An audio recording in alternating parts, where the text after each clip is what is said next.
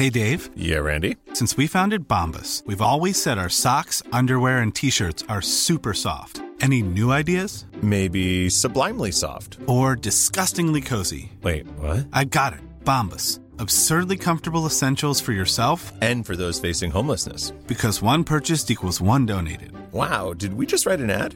Yes. Bombas. Big comfort for everyone. Go to bombas.com slash ACAST and use code ACAST for 20% off your first purchase. I'm Sandra, and I'm just the professional your small business was looking for. But you didn't hire me because you didn't use LinkedIn jobs. LinkedIn has professionals you can't find anywhere else, including those who aren't actively looking for a new job but might be open to the perfect role, like me.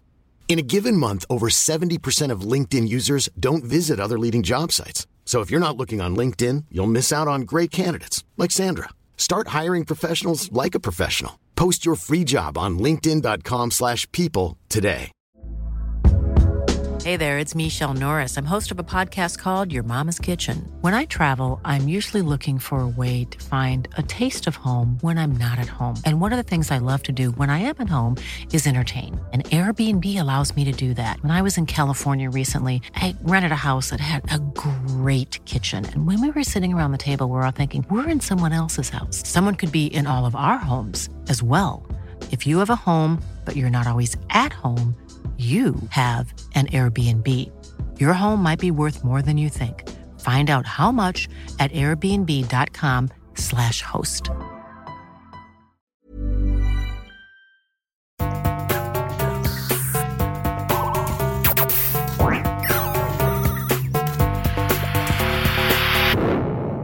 Velkommen til Sinnsyn. Jeg heter Sondre Risom Livre, er psykolog, og dette er Webpsykologens podkast.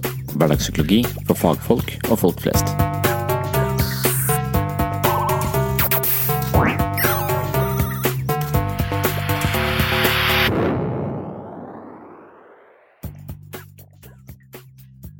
november 2019 var jeg invitert til å delta på en livepodkast på Østsida ved Universitetet i Agder. Østsida er den lokale scenen til universitetet, og det var der jeg blant annet personlighetstesta Dag Sørås og Gunnar Tjomli fra Dialogisk for et par år sia. Den seansen kan du finne igjen i episode 134 her på Sinnsyn. Denne gangen var det Filosofia, studentorganisasjonen til filosofistudentene, som inviterte til samtale om psykisk helse. Opptaket ble gjort for podkasten deres som heter Skråblikk, det er for øvrig en veldig spennende podkast som ofte har interessante gjester, og sannsynligvis vil den falle i smak blant dere som hører på sinnssyn. I dagens episode har jeg stjålet et utkast fra samtalen vi hadde om psykisk helse. Det er Vegard Møller som er vert og ordstyrer. Han er ansvarlig redaktør for studentavisa Unikum og fast programleder i Skråblikk. Han er motstander av nynorsk og har mange studiepoeng i filosofi. Han hadde invitert meg sammen med to filosofer for å diskutere psykisk helse. På andre siden av bordet satt Hans Herlof Grelland, som tidligere har undervist i blant annet faget eksistensialisme på UiA, og har faglige interesser innenfor eksistensfilosofi, følelsenes filosofi og fenomenologi i sammenheng med fysikk og psykologi.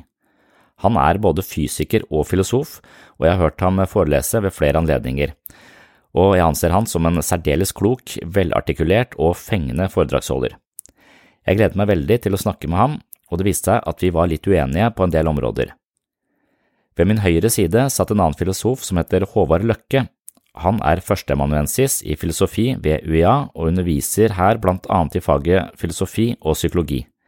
Løkke har stor interesse for psykologi, begynte som fagfilosof med fokus på klassikerne innenfor gresk filosofi, men ble forelska i Freud for ca. ti år siden, og dette utviklet seg til et langvarig forhold. Håvard Løkke var en fantastisk fin person. Han var lun, underfundig klok og en svært god samtalepartner. Alt i alt opplevde jeg dette som en spennende kveld i godt lag, og i andre segment i dagens episode skal du få være med til første del av samtalen vi hadde, og tematikken omkranset angst. I første del av denne episoden skal jeg kort si noe om eksistensiell angst, og da fortrinnsvis hos barn. Grelland er kjent som en eksistensfilosof, og samtalene våre ble stadig peilet inn på de mer eksistensielle perspektivene ved angst. Da passer det å sette scenen med noen betraktninger rundt angstens eksistensielle utgangspunkt. Existential crisis, I've had an existential crisis. There's no good reason why I exist. I feel so strange and lifeless. Existential crisis, I've had an existential crisis. There's no good reason why I exist. It isn't even clear what life is. Just had a crisis. It was existential. Feel like my existence is inconsequential. Don't feel there's such a thing as a soul. And after you die, there's no place you go. We're just a bunch of apes throwing hissy fits on a little blue ball in a huge abyss. We made a couple of toys and some moral codes, but we'll lose them all forever when the sun explodes. Existential crisis, I've had an existential crisis. There's no good reason why I. Eksistensiell angst er ikke nødvendigvis så annerledes enn det som kanskje kan kalles for utviklingsangst. Det er ikke uvanlig at barn som lever i trygge og gode familier, uten store ytre belastninger, i perioder kan utvikle symptomer som kan assosieres med psykiske lidelser. Dette trenger ikke være et alvorlig tegn på psykisk sykdom, men snarere et uttrykk for at barnet er i ferd med å nå et nytt trinn i sin modningsprosess. Når barnet beveger seg mot et nytt utviklingstrinn, vil det være mer tilbøyelig for opplevelser av angst og uro. Det er fordi barnet beveger seg inn på nytt terreng, og dermed vil barnets evne til å beherske tilværelsen svekkes i en overgangsperiode. Eksistensiell angst er på mange måter relatert til den angsten vi opplever ved normale livsforandringer. Man kan nesten si at alle overganger i livets løp er forbundet med en slags krise. Forandringer innebærer nemlig eksistensielle provokasjoner, noe som leder tankene i retning av meningen med livet, noe som videre ansporer til tanker om livets begrensninger og eventuelt den uunngåelige slutt, døden. Livet er kort, og kanskje er våre dager talte, og mange mennesker kommer i kontakt med slike smertefulle innsikter i forbindelse med overgangsperioder. Dette representerer på sett og vis det smertefulle møtet med våre eksistensielle grunnvilkår. I boken Dynamisk psykiatri i teori og praksis nevner Kullberg puberteten eller overgangsalderen som eksempler på perioder hvor den eksistensielle angsten kan gjøre sitt ubarmhjertige inntog i menneskets grublerier. Barndommen er også en tid med mange sårbare faser. Barnet gjennomlever stadig nye trinn i sin utvikling, og ved hvert utviklingssprang økes tilbøyeligheten til angst. Det er altså fordi barnets evne til å beherske tilværelsen blir midlertidig svekket i overgangen til et nytt utviklingstrinn.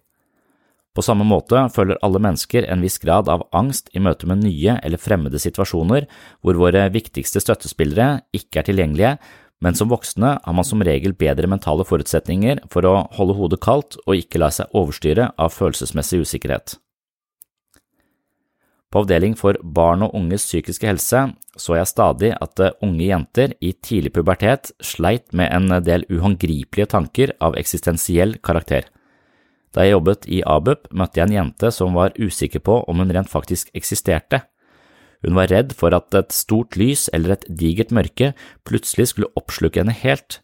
Hun var også redd for at hennes nærmeste plutselig skulle forsvinne, eller at de egentlig ikke eksisterte som annet enn fantasibilder i hennes eget hode. Kanskje var livet som en drøm uten noen virkelig eksistens. Disse tankene var vanskelig å sette ord på for den unge jenta. De ligner tanker fra filmer som Matrix, men de ligner også det filosofiske tankegodset vi blant annet finner hos den franske filosofen René Descartes. Jeg tviler, derfor er jeg, dubito ergo sum. Litt på samme måte som den tolv år gamle jenta kunne ikke Descartes være sikker på at verden faktisk eksisterte, men han kunne ikke tvile på at han tvilte på verdens eksistens, og dermed konkluderte han med at han selv, Descartes, eksisterte fordi han tvilte.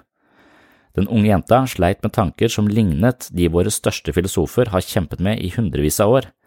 Sannsynligvis er jenta i ferd med å utvikle en stadig mer abstrakt tankegang, og i møte med de store spørsmålene oppstår det nye, konfliktfulle ideer. Hvem er jeg? Hvorfor er jeg? Hva er virkelighet, og hva er fravær av virkelighet? Død eller ingenting? Hva er egentlig ingenting? Heldigvis er det slik at eh, de store tankene mister mye av sin skremmende betydning etter hvert som man blir eldre eller kommer seg gjennom den aktuelle livs- eller utviklingskrisen. Hos mennesker med alvorlige identitetsproblemer hender det imidlertid at det eksistensielle tankekjøret vedvarer eller intensiveres i en slik grad at det kulminerer i alvorlig depresjon eller forvirringstilstander. Med den eh, korte innledningen så håper jeg har ansporet deg til noen eksistensielle grublerier, og for å finne veien ut av dette virvaret så må du nesten være med til eh, Universitetet i Agder, østsida, en eh, ganske kul scene hvor vi satt fire stykker på podiet og snakket om psykisk helse med fokus på angst nå i første del av samtalen. Hallo og velkommen til Skråblikk live. Det var gøy å se at det var så masse folk her. Eh, jeg tror vi kan takke regjeringa for, for, at det fortsatt er så mange studenter som ikke har råd til terapi. Veldig hyggelig at dere kom her i stedet for, da. Så i dag skal vi prate om psykisk helse. og det er jo sånn at Ifølge SHoT-undersøkelsen 2018 eh, så er det én av fire eh, studenter som sliter med alvorlige psykiske symptomplager sikkert enda flere her inne. Og aller først så vil jeg egentlig bare be eh, mine gjester om å svare alle tre på rekke og rad på ett spørsmål som er Altså, jeg vil at dere skal introdusere dere sjøl og fortelle om eh, hvor, altså dere sjøl og deres arbeid, og hvordan dere ble interessert i sinnet og, og psykisk helse. og ja, Grelland, du kan jo, eh, du kan jo begynne. Det er jo en fortelling, det, da. Eh, eh, som begynte med at jeg satt i, da jeg var i militærtjeneste og leste Sartre. Fordi han var en kjent ateistisk filosof, og jeg var i litt opposisjon til kristendommen på den tiden. Men det skjedde også en del interessante ting i psykologien, psykiatrien på den tiden, som, hvor det vokste frem det vi kaller eksistensiell psykologi. Altså psykologi som bygger på den type filosofi som Jean-Paul Sartre representerer. Han er jo kjent for å være talsmann for det vi kaller eksistensialisme. Mm. Så det var, eh, det var begynnelsen, tror jeg. Kanskje var det enda før. Fordi mm, min far var veldig skolert på kinesisk filosofi. Han var egentlig misjonær, men var veldig fascinert av filosofi og språk. Og han, ehm, Jeg skrev en oppgave en gang hvor han holdt forelesning om kinesisk filosofi for meg da jeg gikk på det som nå heter videregående. Eh, og jeg gikk frem og tilbake over stuegulvet mens jeg satt ivrig og noterte. Og det handlet jo også om menneskesinnet, så kanskje det begynte der. Mm. Ja. Og så har det fortsatt. Og du du er fysiker og filosof. Ja. Og du har skrevet bøkene 'Tausheten og øyeblikket' og 'Følelsenes filosofi'. Er ikke det riktig? Jo, det er riktig. Mm. Så 'Tausheten og øyeblikket' er jo egentlig en introduksjon til filosofen Søren Kirkegård, som er en annen skal vi si, eksistensialist. Eh, og også hans relasjon til Edvard Munch og, og Henrik Ibsen, som er, hvor det er nær sammenheng. Og det er spennende å se på sammenhengen mellom filosofi og kunst. Og kunst er jo også en måte å utforske menneskesinnet på. Så det, det er der. Og følelsenes filosofi handler jo om følelser og hva det er, og hvordan en følelse er oppbygd, og hvilke følelser vi har, og hva det betyr. Det kommer jeg til å stille deg flere spørsmål om Det må du gjerne. i løpet av ja. kvelden. Håvard Løkke, da kan eh, du prøve på samme introduksjonen. Ja, Samme fortelling, på en måte. Ja. Eh, altså for meg så går det ikke så langt tilbake, må jeg si. Hæ? Men jeg har eh, eh Jeg var vel 25 da, cirka da jeg fant ut hva jeg var interessert i, og det var filosofi. Så var jeg spesielt opptatt av gresk filosofi. Og antikken generelt, og latin og gresk og de gamle språkene, og lese, lese, lese. Um, så drev jeg med det i 25 år, cirka. Uh, og det var veldig fint. Uh, ble gift og skilt og sånn. Og så plutselig en dag så slo det meg, og det er ca. ti år siden, da. Ikke 25 år, men uh, ca. ti år siden jeg kom på det at det grunnleggende spørsmålet hos Sokrates er jo Det er ikke et spørsmål, egentlig, det er en imperativ. Altså, kjenn deg selv, sier han. Og så, så tenkte jeg ok, hvordan vil det se ut i dag? Og så begynte jeg å lese Freud. Vi er en sånn leser. Jeg begynte å lese Freud. Og så var det fryktelig spennende. Så det er bare åtte år siden, dessverre. Ti år siden. Og så siden det så har jeg vært interessert i mer og mer sånn empirisk psykologi, kanskje. Eh, ikke så mye i eksistensialistene som Hans kjenner så godt, men, men, litt sånn om hvordan hjernen og bevisstheten Hva vi vet om det i dag, da. Hva det vil si å kjenne seg selv som person i dag. Uh, så det er bakgrunnen. Du er prof... Altså, du, du jobber i du jobber i filosofi. Ja, jeg leser og underviser filosofi. Ja bare filosofi. Du er selv lært i, du, For du underviste filosofi og psykologi da jeg tok det. Fantastisk ja. fag. Alle burde ta det. Ja, det er fint. Takk. men du er selv lært i psykologi, og du er filosof. Ja, altså jeg fikk uh, muligheten til å ha et uh, kurs som, hvor jeg kunne ta opp den interessen da. Ja. Ja. Og det er noe av det mest lærerike man kan gjøre, er å, er å undervise og diskutere med studenter. Og da hadde vi um, en bok som vi snakket om nå før før vi kom hit, uh, om følelsene um, How the mind works. Nei, det er en annen. How emotions are made. Ja. Og så nå etter jul skal jeg ha Judith Butler om underkastelse og selvdannelse i relasjoner. og sånn. Så det er mange spennende temaer å ta på. Skulle tatt det faget her hvert år. Men, tilbake, uh, men ok, Sondre vi som livredde, da er det, er det din tur. Webpsykologen. Ja. ja, litt militæret sin skyld for min del også. Ja. Uh, først uh, så ble jeg innkalt til militærtjeneste veldig langt nord, og så hadde jeg en kjæreste. Og så følte jeg det var ubeleilig, uh, så da søkte jeg på befalsskole uten egentlig å være klar over hva det var for noe. For jeg hadde hørt at hvis jeg kommer inn på befalsskolen og bare gjennomgår tre måneder der, uh, og, og, kommer inn, og så kan jeg si at jeg ikke vil, så kan jeg, kan jeg, få velge tjenestested. Og da hadde jeg tenkt å ta i nærheten av der jeg bodde. Og så gjorde jeg det, og så kom jeg inn, men så ble jeg så stolt at jeg kom inn og klarte det. Så da ble jeg bare værende der. Så da ble jeg værende i militæret i to år. Okay. Og del det, en del av det jeg gjorde, var uh, totalt meningsløst. Så da begynte jeg å lese Camus om å rulle en stein opp og ned uh, en bakke. Og så, og så var jeg interessert i filosofi, og så tenkte jeg Eller ble jeg det da, for da hadde jeg så mye tid. Ja. Eh, så ja, og så, og så, tenkte jeg at eh, filosofi er spennende, men jeg vet ikke egentlig hva man gjør eh, som når man er ferdig med det. Det var sånn jeg tenkte på den tiden, og nå vet jeg litt mer om hva de gjør, men fortsatt litt usikker. Så jeg tenkte jeg må ha også et eller annet fag, så, så tenkte jeg at psykologi er tvillingen til filosofi, og så ble det veien å gå, da. Så ja. Og så, har jeg alltid vært interessert i å skrive. Jeg har alltid tenkt at jeg skrive liker jeg veldig godt, og det er veldig viktig for meg. alltid vært veldig viktig, Både lese og skrive. Og, så, og da tenkte jeg at psykologi er alltid et eh, fag jeg kan bruke til skriving. Så, så det var veien inn i psykologi. Mm. Jeg har lyst til å prate om angst. Jeg har hørt at eh, du har angst for kirker. Er det riktig?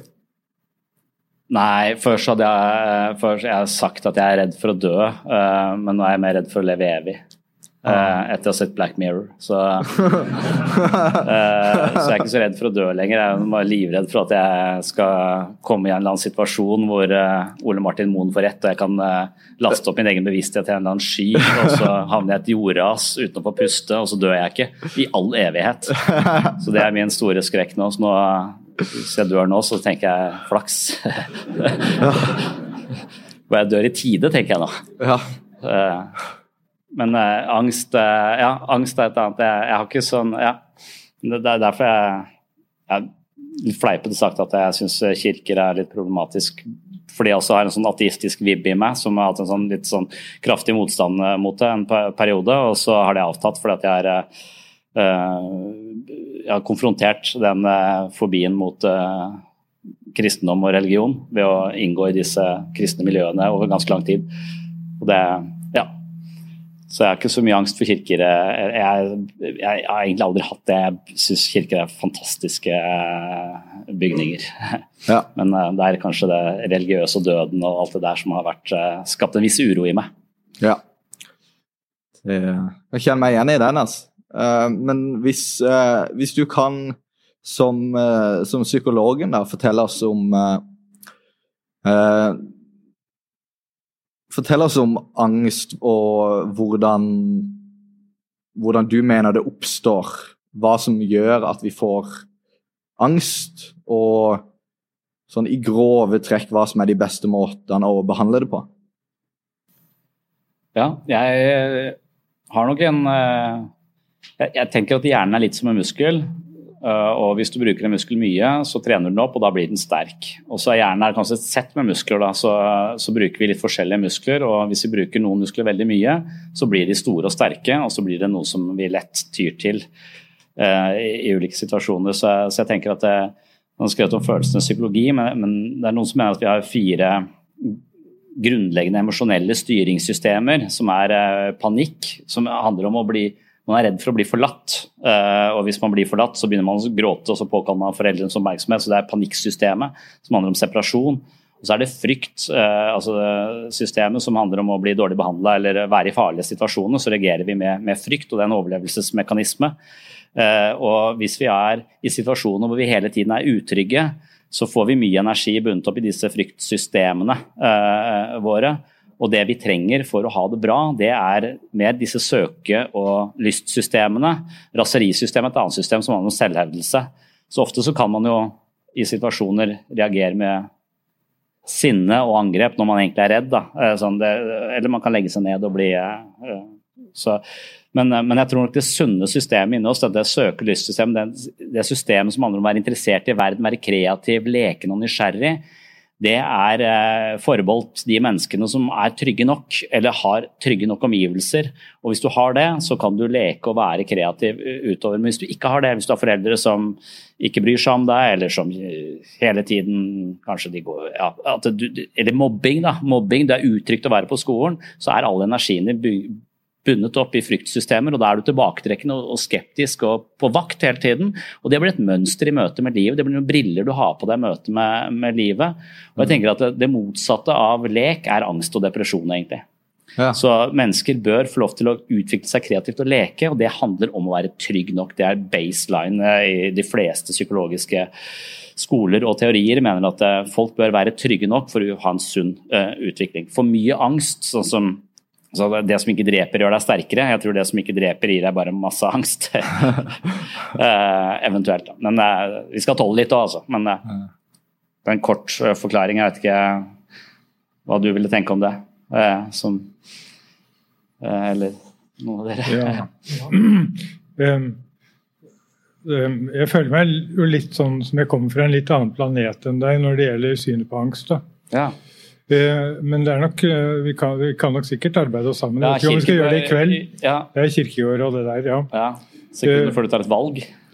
Ja, altså angsten er en slags svimmelhet som vi føler når vi så å si opplever vår egen frihet. Ja. Når friheten blir, blir, noe som vi oppdager at mm. vi har. Og den oppstår i tilfeller hvor vi nettopp får, får følelsen av det. Og da er da er angsten en del av opplevelsen av frihet. Man kaller det jo en slags For å sitere sånn ordrett, han er jo sine danske fine formuleringer. Eh, angsten er frihetens svimlen når friheten skuer ned i sin egen mulighet. Ja. Så det er jo liksom sånn, ja. Sartre tar jo opp, Jean-Paul Sartre tar jo opp tråden og sier at nevne eksempler når du står på en fjellhylle og føler deg svimmel, som er en form for angst, mener han. Og da er det ikke frykt for å falle utfor med et uhell, men det er bevisstheten om at du kan hoppe utfor. Så det er igjen bevisstheten om, om, om friheten da, og dens skremmende muligheter. Så, ja. Men så er det kanskje en link allikevel, fordi at hvorfor er mulighetene skremmende? Og det er jo uh, det, det, jeg, jeg har jo egentlig en tanke om at vi burde finne et Altså, vi burde lage et nytt begrep, eller jeg reklamerer for å lage et nytt begrep, som omfatter angsten og altså en form for ekstatisk fryd. Og at angst og fryd er på en måte et slags Det er beste norske ordet jeg har funnet. Excitement, ville jeg sagt på engelsk. At det er to sider av eller to ytringsformer av samme grunnfølelse. Sånn at for noen blir det angst, og noen blir det fryd i visse situasjoner. Og at når du har angst, så har du egentlig et potensial for en veldig stor fryd. Og det å kjøre berg-og-dal-bane er et sånn eksempel på det. Nå er det jo, noen av oss er jo sånn Jeg har jo prøvd det nettopp fordi jeg driver med sånn teori, så tenkte jeg dette må jeg teste ut. Eh, og det lyktes jo ikke, for jeg var, var like redd hele veien. Jeg Hadde like mye angst hele veien. Eh, men noen har jo ikke det. altså Noen syns jo det er fantastisk en stor sånn excitement-opplevelse. Og da, da, er det, tenker jeg det er, det er, egentlig samme følelsen, men det er en annen måte den ytrer seg på. Så det, Så det er min det motsatte, da? Er det, det, er det, fortvilelse som er det motsatte? da? Nei, fortvilelse er en helt annen ting.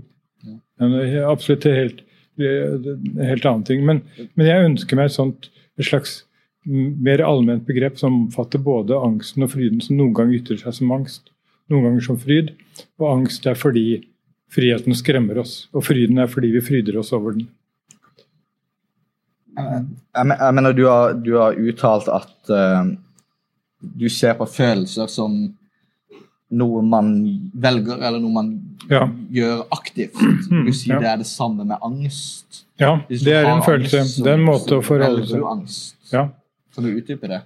Um, ja, fordi er, vi velger jo ikke angst i den betydningen at jeg sitter der med to alternativer. Skal jeg, skal jeg ha angst eller ikke? Jo, jeg velger å ha angst. Det er ikke sånn. Men vi, vi, gjør, vi, gjør, Jeg ønsker å i hvert fall bruke ordet valg så vidt at det bruker også om spontane valg. Uh, altså valg som vi gjør uten å tenke over at vi gjør dem. Så er det likevel en form for valg. Og noen valg er spontane, og det å velge en følelse er et sånt spontanvalg. Kanskje et dypt valg, eller hva jeg skal kalle det. Så det å, å, å reagere, respondere på å kjøre berg-og-dal-bane med angst, det er et dypt valg. Og det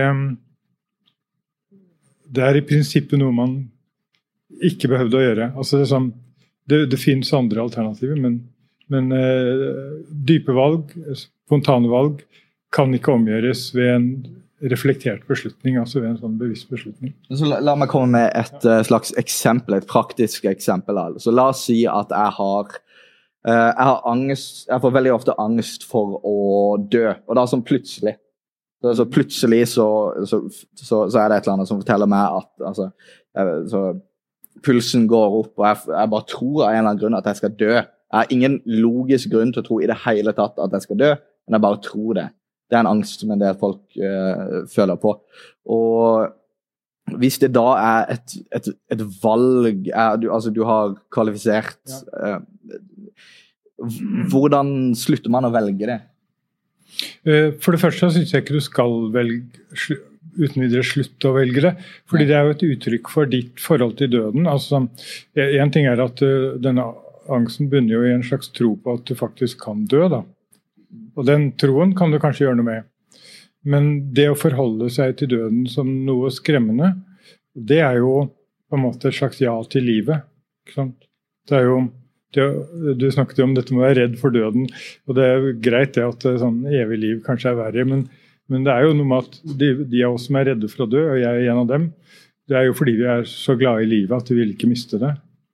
Og det er jo et, et valg, det. En måte å forholde seg til livet på. Som da innebærer en måte å forholde seg til døden på, ved å være redd for den.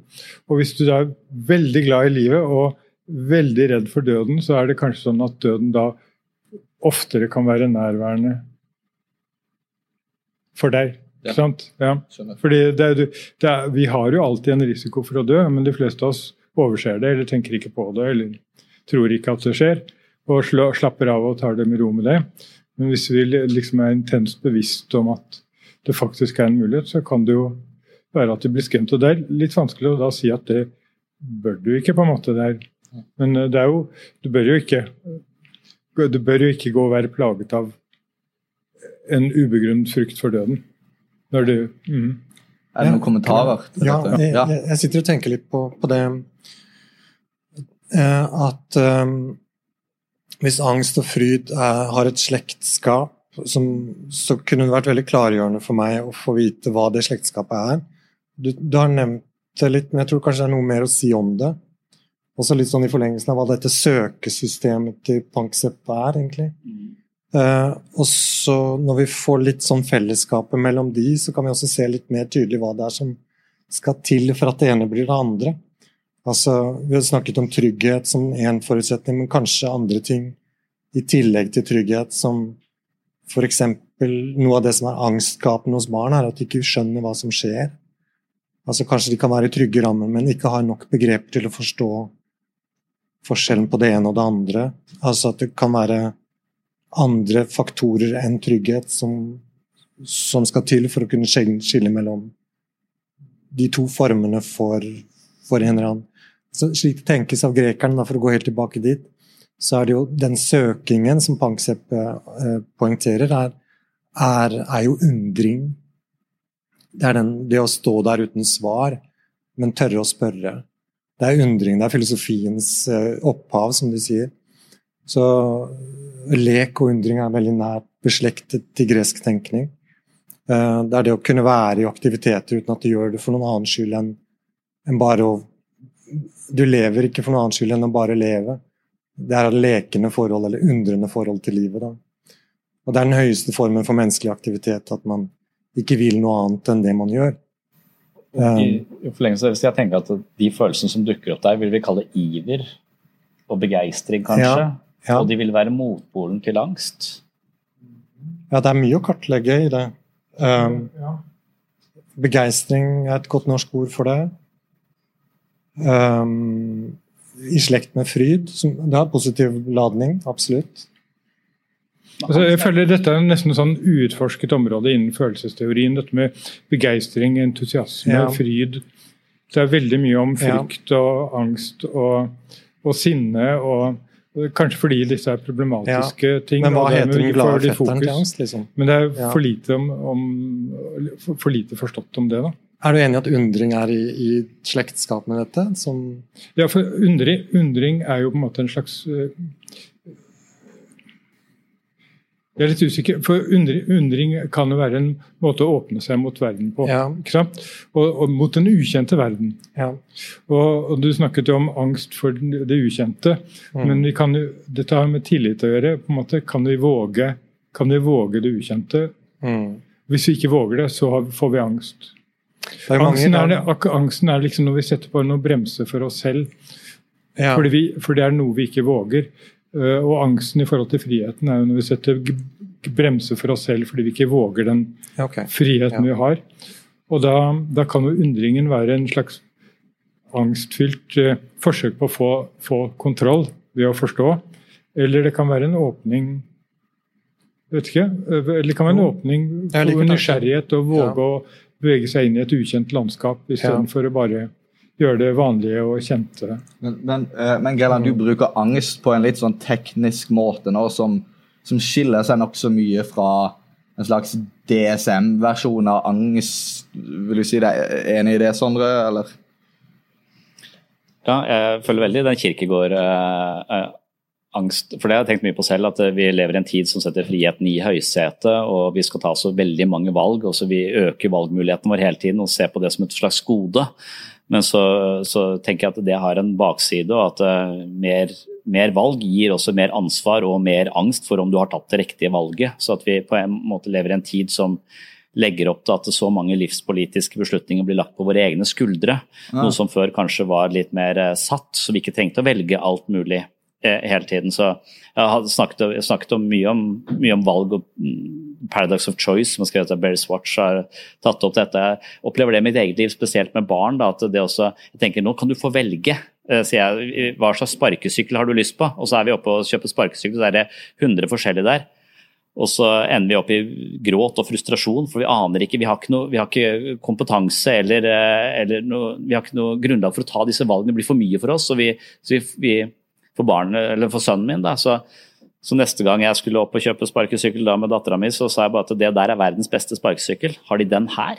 Og så, og så ble det ikke noe Så jeg lurte henne ut av, eh, av valgsituasjonen. Så jøss, de har verdens beste her! Har du sett det? Det visste jeg ikke de hadde i Norge. Og, så, og da er det ja, Den vil jeg ha! Ja, selvfølgelig vil du ha den. Det er det beste. Så, sant, så, mye verdi hun legger i det når hun slapp å ta det, det valget. Så egentlig vi lever i en tid som vi må ta så masse valg, og det øker angsten vår på en måte. fordi at det, vi hadde så mange valg, men hvordan kunne vi velge så galt uh, når vi hadde så mange muligheter? Uh, at det er en, en, byrde å bære. Så at uh, det er vel det Denne friheten er en, er en, slags byrde for oss. Men, men, så hva gjør vi? Minimere valgmulighetene og, og, og prøver å gjøre ting, ikke gjøre ting om til valg. Nei, vi lærer å leve med angsten. Ja. Vi ser positivt på angsten. Vi lærer å leve med at vi lever i et samfunn med et høyt angstnivå fordi det er mye frihet. Og det er fint. Det er mye forsiktighet òg. Eh, ja. mm. Som også gjør at vi hele tiden fokuserer på sikkerhet. Altså Vi har EU-regler for alt mulig, og noe som jeg også tenker spiller inn i denne angst... Angsttematikken. For at Hvis vi hele tiden er oppmerksom på hvordan ting skal være tryggest mulig og EU-godkjent, så sier vi også indirekte at alt kan være farlig. Så det treet der er ikke EU-godkjent. Så, så, så det, det, er jo en, en, kronikk fra de som jobber i ABU på, og hos oss på, i angstteamet. De mener jo at uh, nå har vi angstgruppe for barn i ti års alder. Mm. Uh, og vi lever i et stadig tryggere uh, samfunn, så dette fokuset på trygghet skaper angst. er jo også en tematikk. Det er mange altså, du, du, sier ingen, ikke noe medisiner. Akseptere angsten, leve med angsten. Ja, altså, det finnes jo tilfeller hvor angsten er så subjektivt plagsom, et stort problem, at jeg kan ikke si at du ikke skal bruke medisiner. Men, men medisiner er ikke noe løsning. Det er et slags hjelpemiddel til å og, forhåpentligvis og potensielt et midlertidig hjelpemiddel for å håndtere en situasjon her og nå. Men det, det er ikke noe svar på noe problem. Men, men jeg følger deg i det at eh, hvis du skal gå i behandling eller kurere din egen angst, så bør du være nysgjerrig på angsten. Ja, det bør det. For, for, det, for, for angsten ansporer deg til å trekke deg unna. Uh, for, det, er det, det, er det, følelsen er der for. Den sier dette er farlig, kom deg vekk. Uh, og, og, og, når vi da er redd for ting som i f.eks. sosiale situasjoner eller, eller noe sånt, så, så, så, er det nok mye informasjon som skjuler seg bak den umiddelbare følelsen av eh, hvor, hvorfor blir jeg så, så anspent i disse, disse, situasjonene, og så være nysgjerrig på det og prøve å forstå det. Gå inn i det, eh, som er uh, Så, ja. Jeg, jeg, jeg, tror det er en liksom, veldig viktig faktor i dette er at vi, som dere begge to selvfølgelig vet, kanskje du er mest oppmerksom på, er dette at at det begynner jo veldig tidlig. Altså, Spørsmålet om hva skal vi gjøre med det, er jo til syvende og sist kanskje et spørsmål om hvordan skal vi forholde oss til barna våre. Uh, altså type fri oppdragelse. Jeg likte godt det eksempelet med uh, 100 telefoner. Hvem liker du mest, best? Det er jo umulig å forholde seg til. Så jeg tror kanskje sånn sett uh, dette med å gjøre verden håndterbar for en treåring og fireåring ved hjelp av grenser, f.eks. Si at uh, det er ikke opp til deg hva vi skal ha til middag. Uh, du bør ikke mene noe om middagen. Jeg bryr meg ikke så mye om det, hva du mener om middagen. Det er det det er til middagen. Altså den type ting, den type grensesetting. da. Jeg tror du har helt klart rett i det. Jeg bare ja, tenker at uh, her sitter vi, vi er allerede oppdratt og vi har angst. Hva gjør vi da? Ikke sant? Det... Ja. Men har, har dere det? Ja. ja det, er, det, er, min løsning, men jeg håpet at dere kunne gi meg bedre enn så jeg kan slutte. Men det, det kan hende at, at uh, altså um, I presisjonens navn så er det sånn at det er kanskje være angst som er livshemmende, som du jobber med. Og så kan det være angst som er livsfordrende, og kanskje den kan vi like å ha og kjenne på og gi et navn og um, ja, det, kan, det, kan, bidra noe til, til, livet vårt ved å kjenne på den type angst. Det, så det er ikke det at angst per definisjon er noe vi må lukke borte og ikke snakke om og ikke kjenne etter og sånn. Men det fins jo den livshemmende angsten, altså mennesker som, som kommer ganske tidlig i sitt liv i en posisjon hvor de tør veldig lite, ikke stoler på seg selv, har en veldig negativ selvfølelse. Og da blir det vanskelig å snakke om angst som ressurs, syns jeg. Um, så det bør skille litt, tror jeg. Men da, men da er jo angsten et signal. altså Det, det er jo angsten Ja. noe som forteller deg om denne mangelen på selvfølelse og øh, din måte å forholde deg til verden på. Så, det, så du kan si om den ikke akkurat er bra, så er den i hvert fall interessant. Det er jo det du også antyder, at vi må utforske angsten.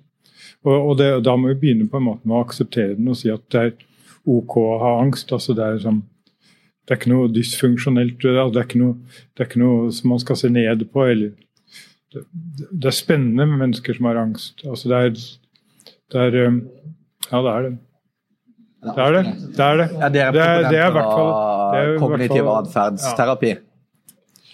Ingen Er, de, tvil om er dere to proponenter av kognitiv atferdsterapi for angst? Er det, er det en god løsning? Sondre? Jeg vet ikke hva det er, så han må svare. Eh, Cognitive, CBT, Cognitive Behavioral Therapy. Ja, jeg, tror, jeg, tror ikke, jeg tror det er veldig vanskelig å si det sånn eh, spesifikt. for Du, du har så f.eks. fobier. ikke sant? Eh, det er en veldig sånn spesifikk ting. Du er redd for edderkopper f.eks. Og uforholdsmessig mange mennesker er redd for edderkopper til tross for at de ikke er farlige. Og De har angst for edderkopper. og Folk har også angst for trange rom. og, og, og, og da og Da tenker man jo kanskje at ja, her har du hatt en eller annen opplevelse i et eller annet trangt rom som gjør at du nå har eh, generalisert en eller annen oppfattelse av at eh, trange rom er farlig. Derfor så reagerer du med frykt hver gang du nærmer deg et, et trangt rom. og Det er en sånn simpel forståelse av det. Men så viser det at det, det er ikke nok folk som har eh, sittet fast i heisen til at så mange skal være redd for å ta heisen. Eh, Så, det, så kanskje symboliserer det noe dypere. Kanskje er det en slags sånn Kanskje det å bli begravd levende er en slags sånn arketypisk eh, tematikk i skrekkfilmer, i hvert fall. ikke sant? Det, også ikke, det å mangle bevegelsesfrihet er noe som grunnleggende sett er en, eh, en frykt i oss. Det er kanskje det samme med edderkoppen. altså Det står om eh, edderkopper i Bibelen også, med dette nettet du kan spinnes inn i og fanges i. Så at, eh, så at det har dypere eksistensielle betydninger, disse enkle fobiene, for, for noen. Mens for andre så er det bare jeg har hatt en opplevelse med det, og så etterpå så har jeg generalisert hunder som livsfarlige. Jeg har lagt det på et lavt nivå i hjernen. Hver gang jeg møter en hund, så reagerer kroppen min med å stikke av. Fordi at det har vist seg å være overlevelse. Det er et automatisk mønster som, eh, som kjører. Og Det er noe helt annet enn å være redd for døden. som er mer sånn, Så jeg, så jeg tror at uh, dette, angsten har så utrolig mange ansikter. Uh, og, og For noen så er den totalt hemmende, og den er altoppslukende og, og, og generalisert og gjelder alt mulig. For noen så er den mer spesi, spesifikk. Men, men jeg tror hvis du hadde klart å etablere en nysgjerrighet på angsten, så har du kommet veldig langt. For dette, eh, normalt sett så skrur angsten av all form for nysgjerrighet, eh, og det er det som er problemet. Så at hver gang hjernen din er eh, aktivert i frykt- eller panikksystemene, så skrur den av eh, av alt det andre. Da, da er du ikke nysgjerrig og leken og interessert. Eh, det, det, er ikke, det er ikke noe spennende med å, å ha angst. Da. Så, så da er du på en måte fanget av følelsen, og du ser ikke eh, den følelsen. Du reagerer. Det går ikke via refleksjonsevnen din. Eh, Så terapi vil være å styrke denne delen av hjernen, sånn at du kan komme i en posisjon hvor du kanskje nærmer deg disse situasjonene som du er redd for, med nysgjerrighet og undersøkelse.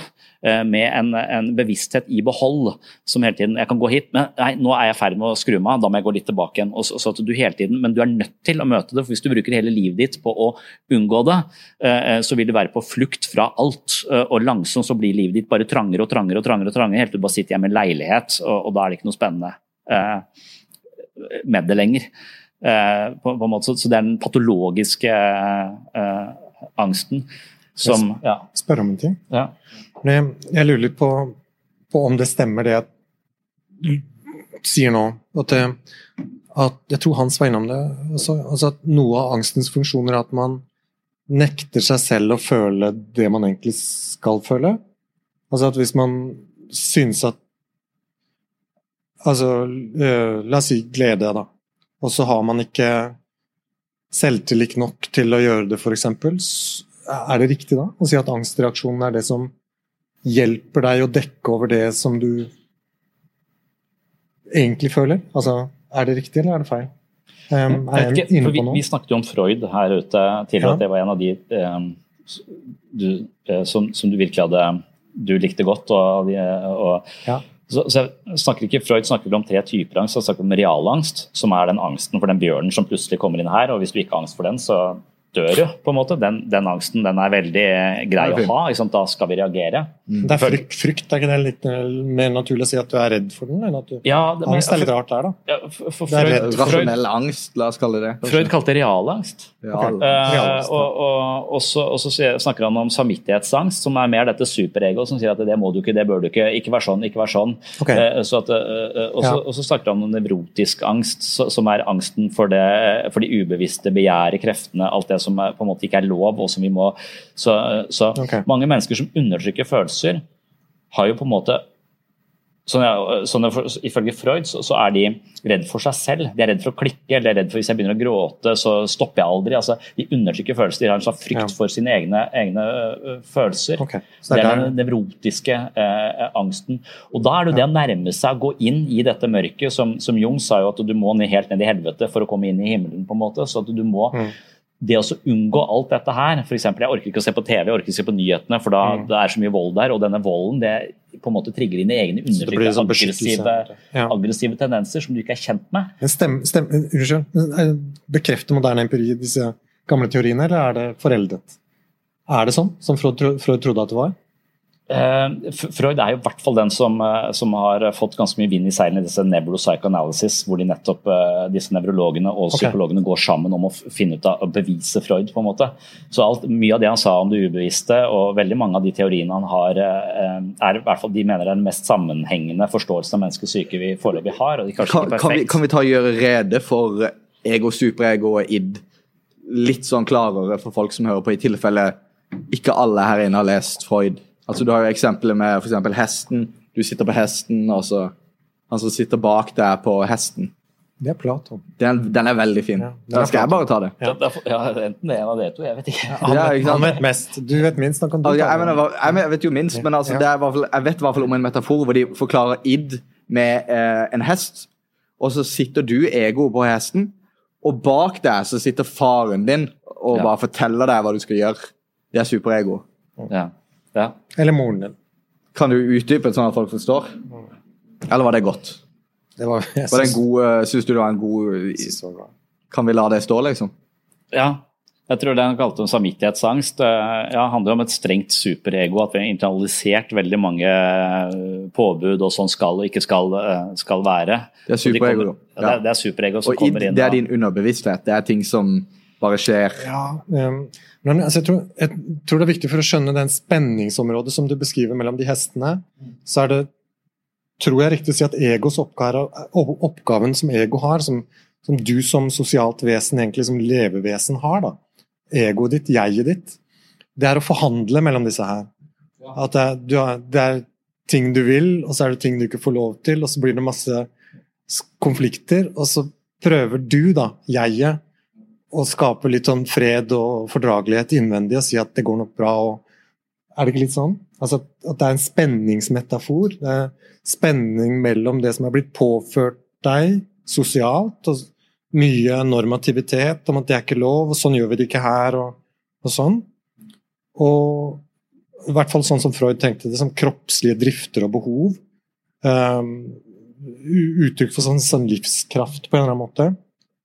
Og at de kommer pga. sivilisasjonens uh, ja, ufordragelighet igjen, så, så, så kommer ego litt i spenn mellom de to og må forhandle så godt du kan. Og hvis den spenningen der blir for stor, så, så reagerer du da med angst og nevroser, tror jeg. Mm. Jeg føler likevel at det kan godt være at folk sitter her, og så er det noen som sliter en del med angst, og så tenker de ja, vi har ikke funnet ut noen ting av hva vi kan gjøre for å bli kvitt det her. Men, Men ja. det er kanskje umulig. Så Nei, men jeg, sånn, som du påpeker, så, så er jeg litt jeg er på en måte et, um, Angsten, sånn Freud forstår det, er rett og slett uh, bare en slags eh, frykt for uakseptable følelser. Vi har et helt forsvarsverk ikke sant? inni psyken vår, et slags immunforsvar som beskytter oss mot følelser som, som ligger over terskelverdien fordi vi makter å ta inn over oss. Eh, så, vi har en hel haug med forsvars There's never been a faster or easier way to start your weight loss journey than with PlushCare. PlushCare accepts most insurance plans and gives you online access to board-certified physicians who can prescribe FDA-approved weight loss medications like Wigovi and Zepbound for those who qualify. Take charge of your health and speak with a board-certified physician about a weight loss plan that's right for you. Get started today at plushcare.com slash weight loss. That's plushcare.com slash weight loss. plushcare.com slash weight loss. There's never been a faster or easier way to start your weight loss journey than with PlushCare.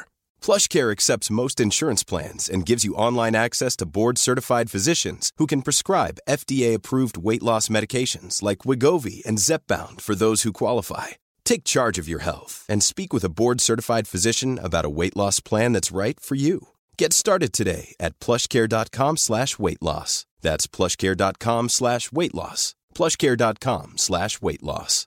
Hey, Dave. Yeah, Randy. Since we founded Bombus, we've always said our socks, underwear, and t-shirts are super soft. Any new ideas? Maybe sublimely soft. Or disgustingly cozy? Wait, what? I got it. Bombus. Absurdly comfortable essentials for yourself And for those facing homelessness. because one purchased equals one donated. Wow, did we just write an ad?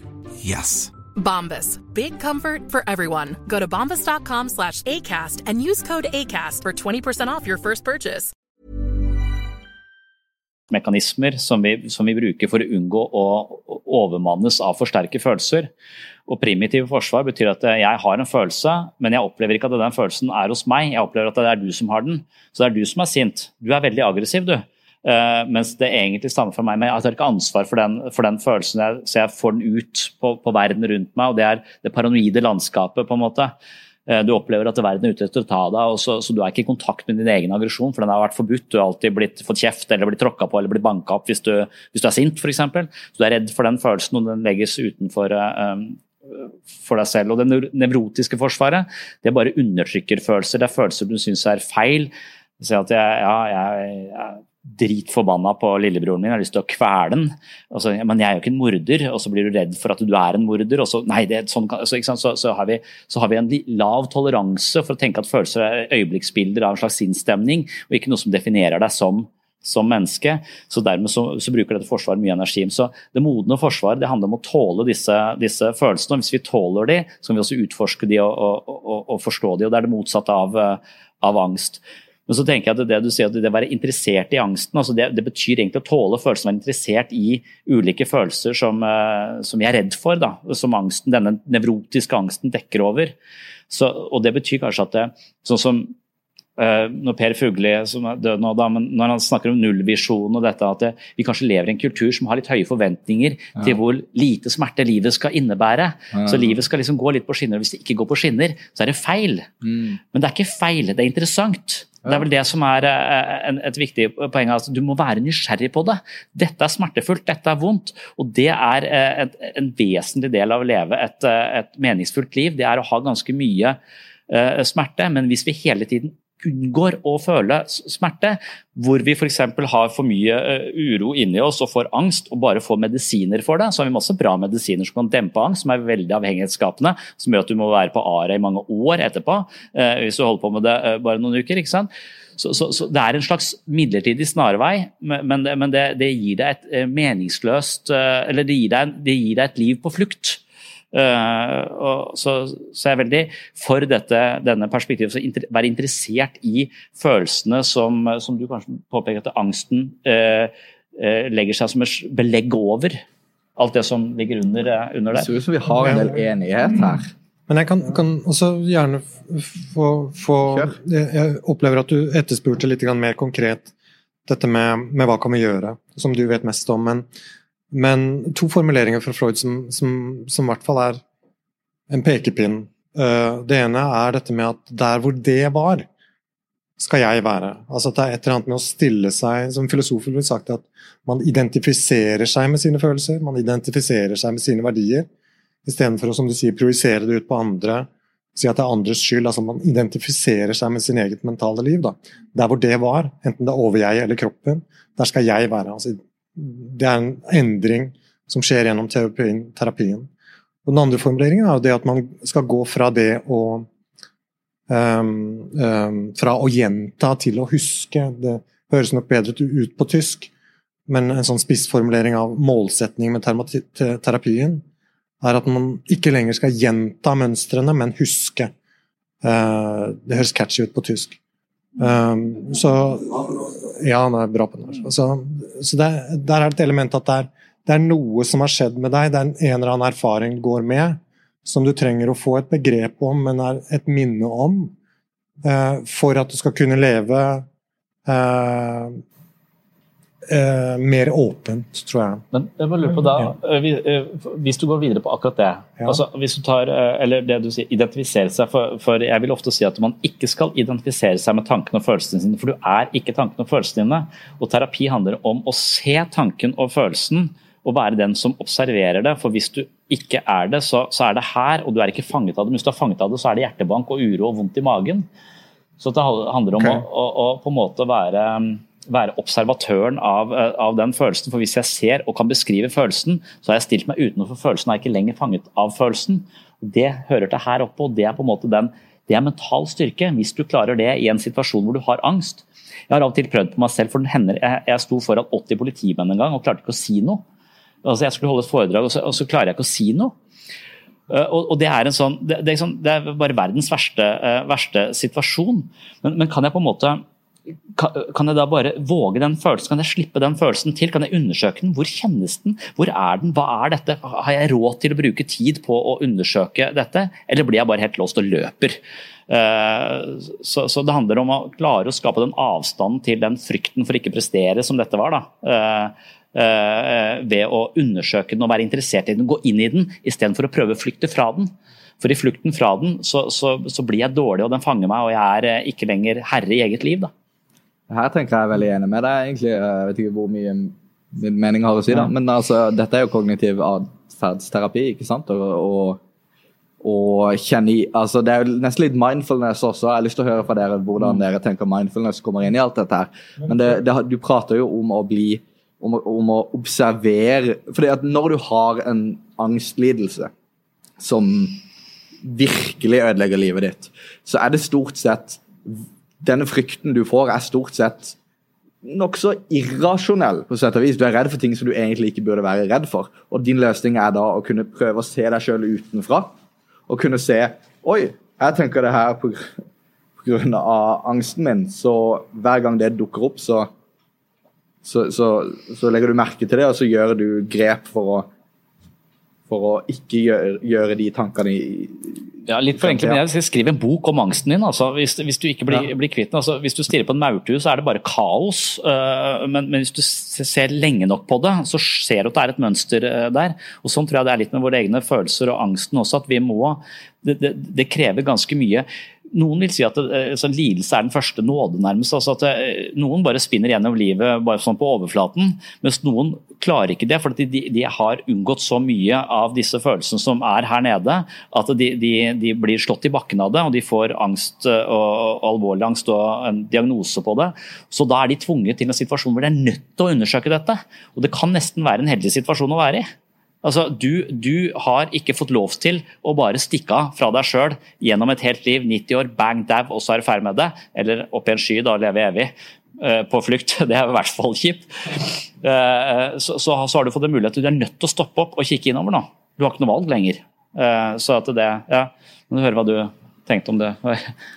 um, jeg tenker ikke så mye om det, for jeg tenkt Nei. på hva som var sagt over litt tid her nå. Mm. Fordi at eh, Jeg syns jo de modellene som dere har representert, dere to, eh, er jo ganske mekanistiske. altså snakker dere, denne Å trekke frem Freud her, syns jeg jo eh, Freud er jo en som prøver å forstå menneskesinnet ved hjelp av mekanismer.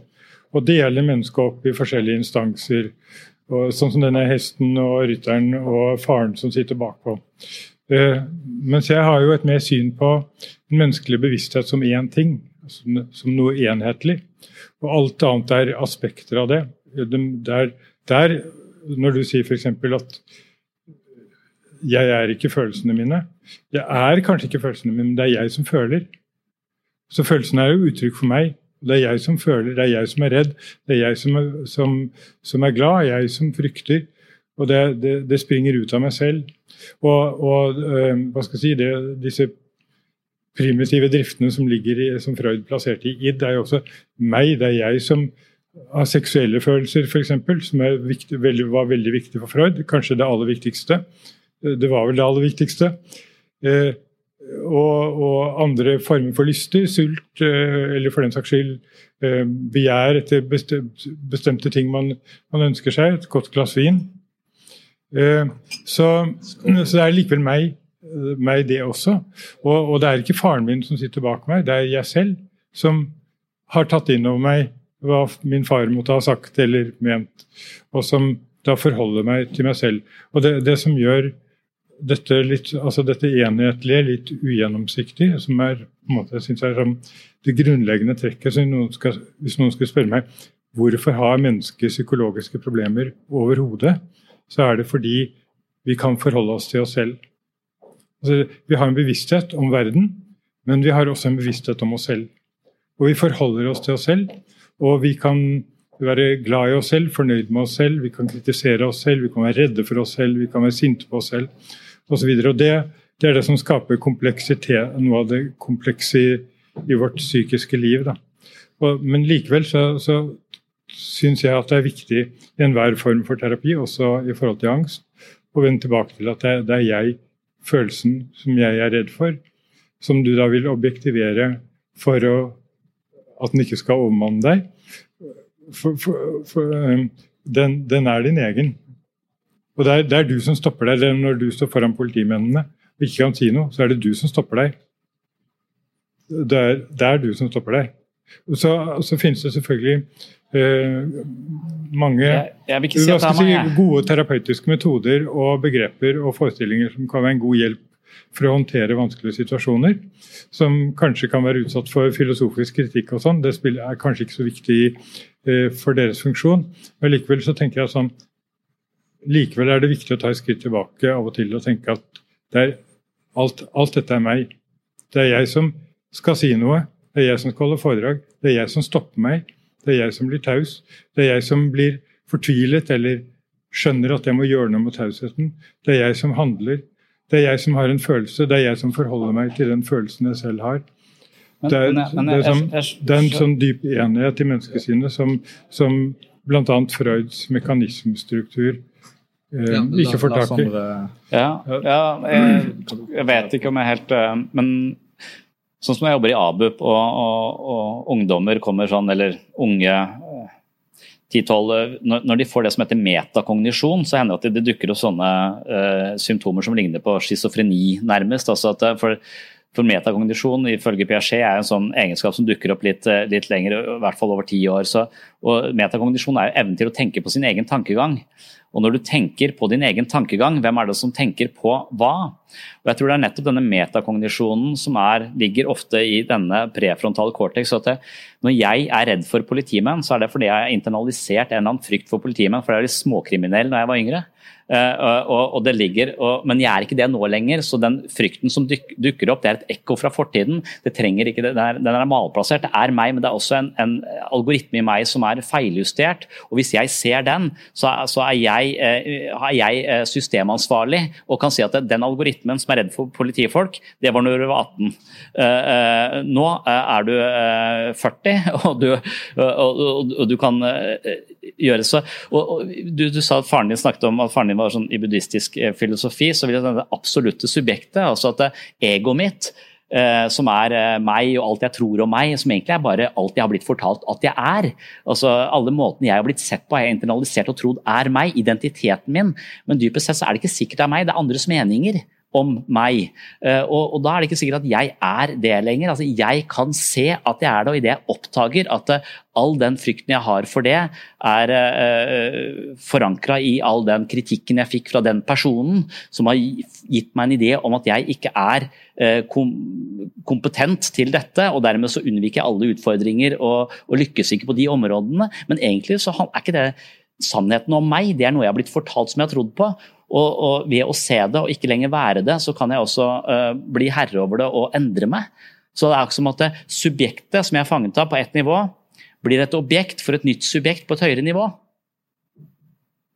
Eh, og det er psykoterapi. Det er denne bevegelsen å gå ut av seg selv og se seg selv, for så å kunne justere seg, for så å lande tilbake i en ny variant av meg. og så jeg tenker dette er sant, sånn er jeg, sånn er jeg. Når jeg beskriver meg selv, så er jeg sånn og sånn. Men, men med en gang jeg går ut og sier hvor, hvordan kom du til å tenke sånn om deg selv, så begynner jeg å beskrive ja, det var sånn og sånn, men egentlig så stemmer det kanskje det og det. Og så har jeg fått en litt større forståelse, og subjektet har, har utvidet seg og blitt romsligere. Og da da vil jeg la, jeg vil la Håvard komme med sin kommentar, og så vil jeg prate om depresjon etterpå det. Men jeg tr tror at de samme spenningene og uenighetene kommer til å fortsette også når vi prater om det. Så denne samtalen er ikke ferdig. Men du har en kommentar, ser jeg. Uh, jeg, jeg, tenkte bare på det at um, um, hjernen som På en eller annen måte så snakker vi om snakker vi om, om hjernen, bare for å innføre en, en faktor. Uh, og hjernen er, den er ekstremt plastisk når vi blir født, men så den, har den tendens til å være veldig konservativ. Altså, Vanskelig å endre på hjernen. Ja, altså, det, du, du, er født som soft, blank software, på en måte, så ah, det er jo problemet òg. Alt du da får inn av erfaringer uh, og preging, sånn som vi kjenner det fra resten av naturen, det setter en standard så det som skjedde rundt politimenn i en viss alder, eh, har da hjernen ganske vanskelig for å avlære, da, for å si det sånn. Så, så den, den skal vi si, mekanistiske forklaringen som ligger i det, er det at det på en måte empirisk bare er et faktum at det som er grunnleggende erfaringer, de preger dine gjentatte erfaringer om igjen og om igjen. Uh, og ikke minst den måten du ser på deg selv på. Da. Det er enormt vanskelig å forandre sitt selvbilde. For du søker erfaringer som bekrefter ditt selvbilde. Altså, vi er ekstremt konservative. Uh, så denne undringen og åpenheten og fryden er egentlig ganske vanskelig. Da. Og mye mer spennende enn angsten, syns jeg. Kanskje du fortjener, fortjener, en liten replikk der. Det skal du få. Det, dette er veldig vanskelig å komme med en veldig kort replikk til. Ja, Når du begynner å snakke om hva hjernen gjør og ikke gjør. Uh, kunne ikke komme en lang replikk? Ja, ja. Det er evig med tid. Han her eh, han må hjem til klokka ni. Eh, God gamle Descartes, som jo er beryktet for å ha skilt mennesket i kropp og sinn. Gammel, i hvert fall. Han har skrevet en veldig fin utredning i sin korrespondanse med prinsesse Elisabeth av Bøhmen, som var en sånn intellektuell korrespondansepartner med ham. Og Der sier han omtrent følgende Når vi snakker om menneskesinnet, så bruker vi et sett begreper. Når vi snakker om kroppen, så bruker vi et annet sett begreper. Og fordi disse begrepssettene er inkompatible, det er mitt ord for så vidt, altså for, fordi de ikke er i overensstemmelse med hverandre, så høres det ut som vi snakker om to forskjellige ting. Og når du snakker om så når vi, Jeg snakker om en subjektiv altså om bevisstheten og hva bevisstheten gjør, og du snakker om hjernen og hva hjernen gjør, så er jeg litt usikker på om For meg er hjernen sånn kjemisk-fysisk system. Og jeg er jo fysiker og kjemiker. Og ingenting av det du sier, er kjemi og fysikk. Sånn at det, du mener tydeligvis ikke denne fysiske hjernen her. Du mener noe du, du, bruker ikke et begrepssystem som svarer til at du skulle snakke om hjernen? Altså det, men det, det, er så vidt jeg vet, da. Hvor, hvor, hva, hvorfor, hvorfor Hvorfor kalle hjerne hvis du kunne kalle det bevissthet? For det er bevisstheten som er sånn at den, ah, ja. Nei, men Bevissthet er et veldig, veldig veldig generelt fenomen. Som ja. mange, mange, som ikke har vår hjerne i det hele tatt, har jo bevissthet. Men, er, men hvis du tenker på menneskelig hjerne, da. Men, en mens, du, vi kan godt snakke om en person ja. som, som, et mer sånn generelt begrep som involverer det kroppslige. Og, øh, det er kanskje et mer fruktbart perspektiv å ha. Mm. Uh, hvordan du opplever deg selv som person. Da. Jeg tror de samme argumentene kunne gått igjennom at som person så Og jeg mente å si at det er på grunn av hvordan, hvordan ditt ja, følelsessystem, persepsjonssystem virker. Selektiv sansning, f.eks. Så tenker jeg at du, at du er ganske ute etter å få bekrefte det du tror om deg selv, f.eks.? Er det det jeg kalte den Altså, konservative veldig- innstillingen til Det her, det her er en veldig Så interessant diskusjon, men vi beveger oss egentlig litt sånn bort til at det blir en litt sånn metafysisk Ja, metafysikk-diskusjon. metafysikere, vet det er kjempefint, det, Det sånn altså. Men folk inn- kom her eh, Det får bli neste episode, det- kanskje. Ja, Metafysikk. det Metafysikk er veldig alvorlig. Og... Jeg har lyst til å prate om eh, depresjon, og jeg lurer på hva folk tenker om hva som Hvordan depresjon oppstår, og hvordan vi løser det. Kan, kan jeg smette? Er det utenkelig med en pause? Er det, er det et utenkelig begrep, liksom? Eh, hva har du lyst til å gjøre i pausen? Eh, Gå på do? Gå på do? Eh, er det et tenk utenkelig begrep, folkens? Kan, jeg- ja, det kan Altså, jeg må jo også på do, da. To minutter. Tissepause. Ja, ok, Men jeg, bare ta og uh, prat dere, da, mens uh, vi går på do. Skal vi gjøre det? Ja. For, for uh, Nå har vi sjansen. ja, jeg vil gjerne tilbake til det vi det snakket om, for jeg lurer på om du Ja, gjør det, og så kommer jeg tilbake. Og Ja, så tar vi depresjon når du eh, kommer. For, for hvis du tenker en slags sånn, sånn som denne mindfulness-filosofien som man ville på en måte inn på, så er det jo altså, Noen ganger så tenker jeg på bevisstheten vår som et, eh, som et rom, og alt det som foregår, alt det som kommer inn og ut av dette rommet, det er eh, følelsene våre. og Følelser kommer og følelser går, og følelser er ofte et ekko. og Kanskje tenker jeg at jeg er noe sånn dialogisk sammensatt, så at eh, alt det, det jeg tror er min egen refleksjon, er egentlig bare en gjentakelse av samtaler jeg har hatt med viktige personer tidligere. Så, eh, så, så, så Freud sin innsikt er at alt du tenker og føler er feil, på en måte, eller alt er filtrert via, via nevrosene sine. Så jeg tenker, jeg er det når du sier så sterkt 'jeg er', dette, dette er meg. Eh, så, så, så er jeg kanskje litt dualistisk, da, for jeg tenker jo at terapi handler om å nettopp innse at nei, du er ikke nødvendigvis det. For alt det du tror og tenker om deg selv, det er installert av, ofte av krefter og faktorer som er langt utenfor din eh, og, og blitt deg, men du trenger ikke å være det lenger. Det, det som er min frustrasjon nå, Ja. er at du trekker konsekvenser av det jeg sier som jeg ikke selv trekker. Altså, som, jeg er jo enig med deg Ja. enig med deg på en måte når, og det er sånn når du kommer ned på det terapeutiske, altså hva man gjør i terapien Ja, og sånn, så er jeg jo veldig med. Ja. Men det er måten du snakker om det på som jeg tenker som blir så veldig mekanistisk. Følelser kommer og går, men følelser er jo det, det, er en, det er en akt, det er en handling å føle noe.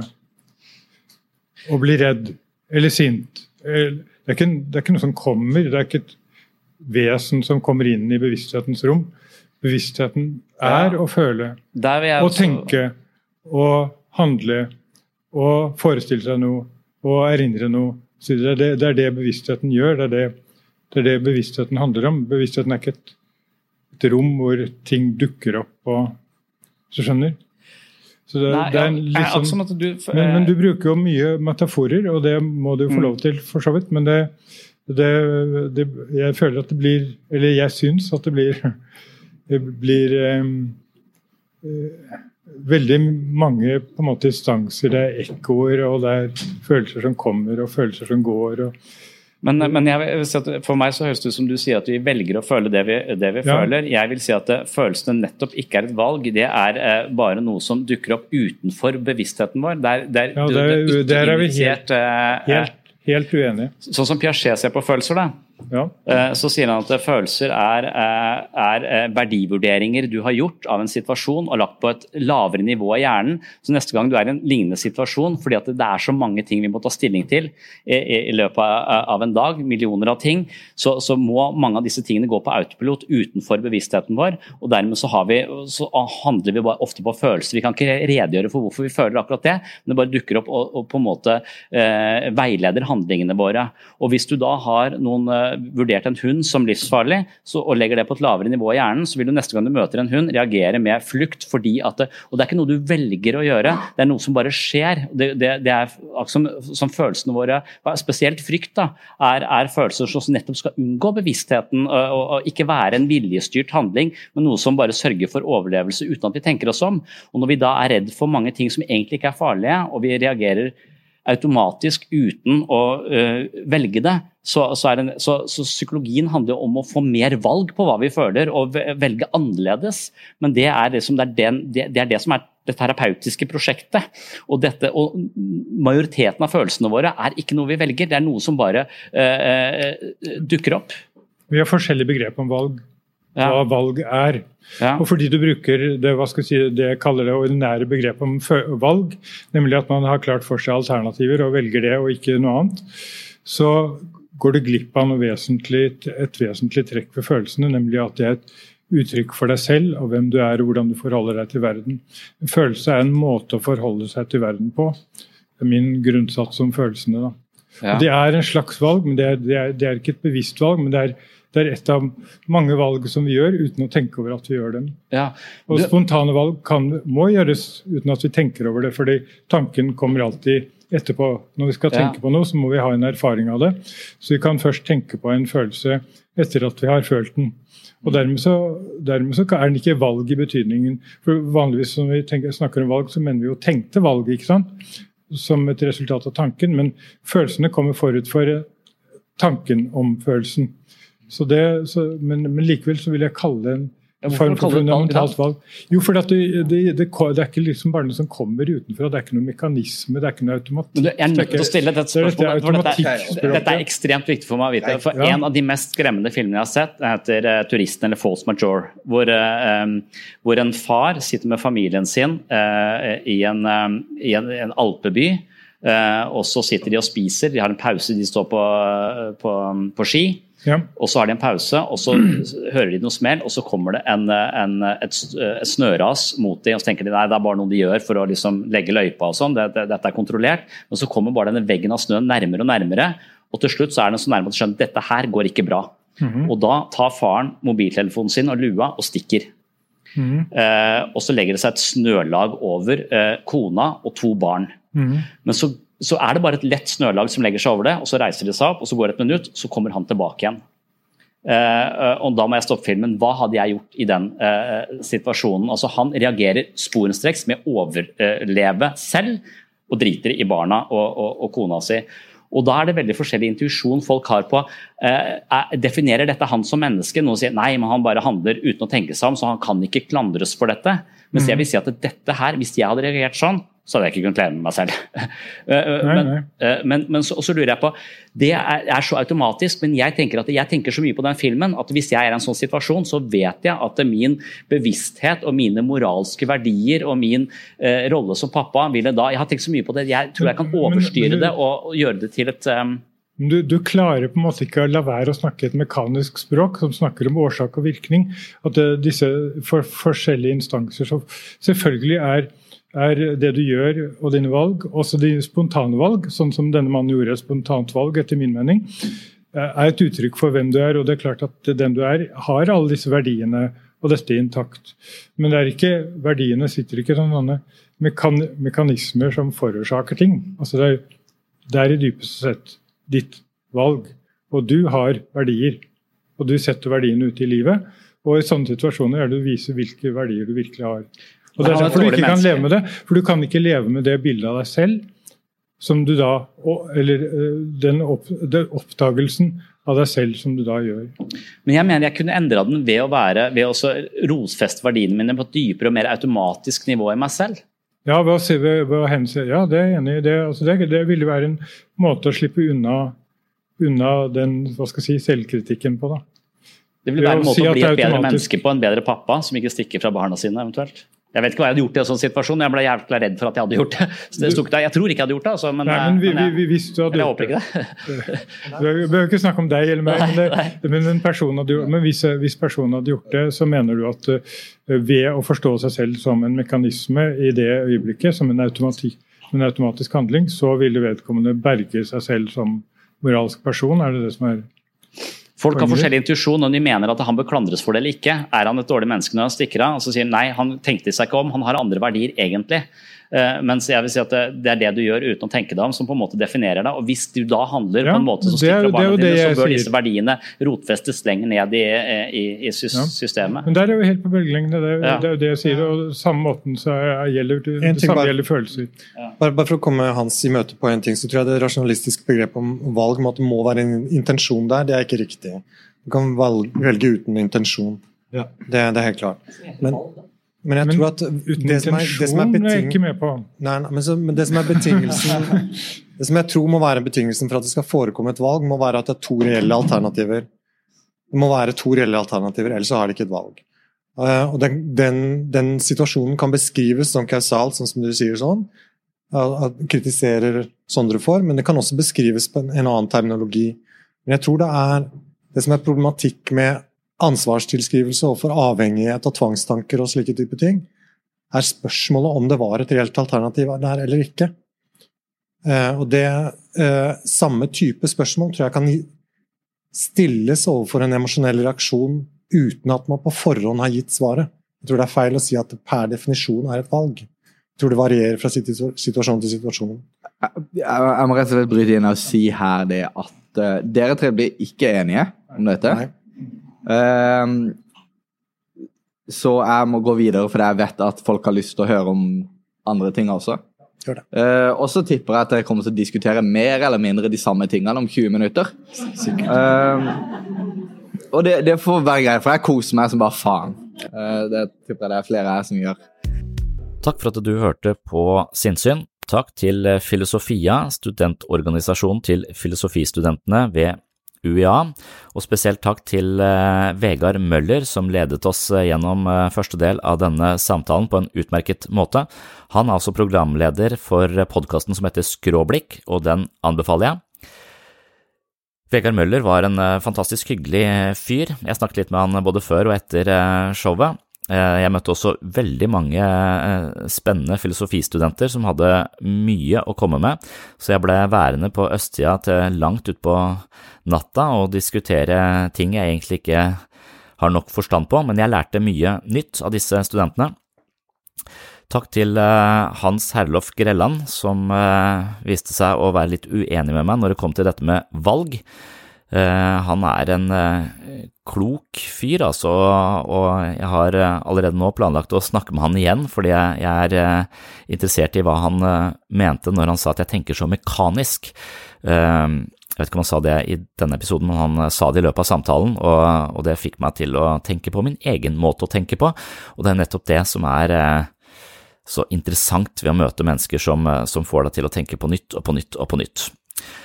Det samme med Håvard Løkke. Han sa mange ting som uh, slo ned i meg og kommer til å lure i bakhodet mitt i lang tid uh, fremover. Fantastisk uh, flotte folk, veldig fin kveld. Takk til alle som deltok, takk til publikum som var lydhøre og interesserte. Så stay tuned, og på gjenhør!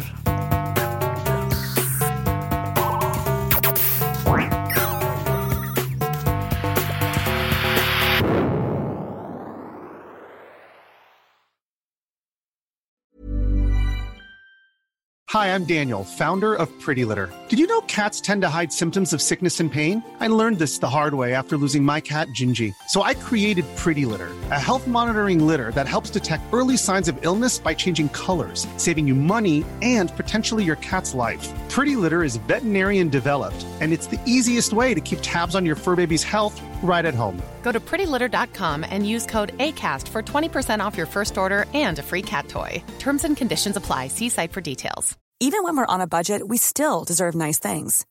Quince is a place to scoop up stunning high end goods for 50 to 80% less than similar brands. They have buttery soft cashmere sweaters starting at $50, luxurious Italian leather bags, and so much more. Plus, Quince only works with factories that use safe, ethical, and responsible manufacturing. Get the high-end goods you'll love without the high price tag with Quince.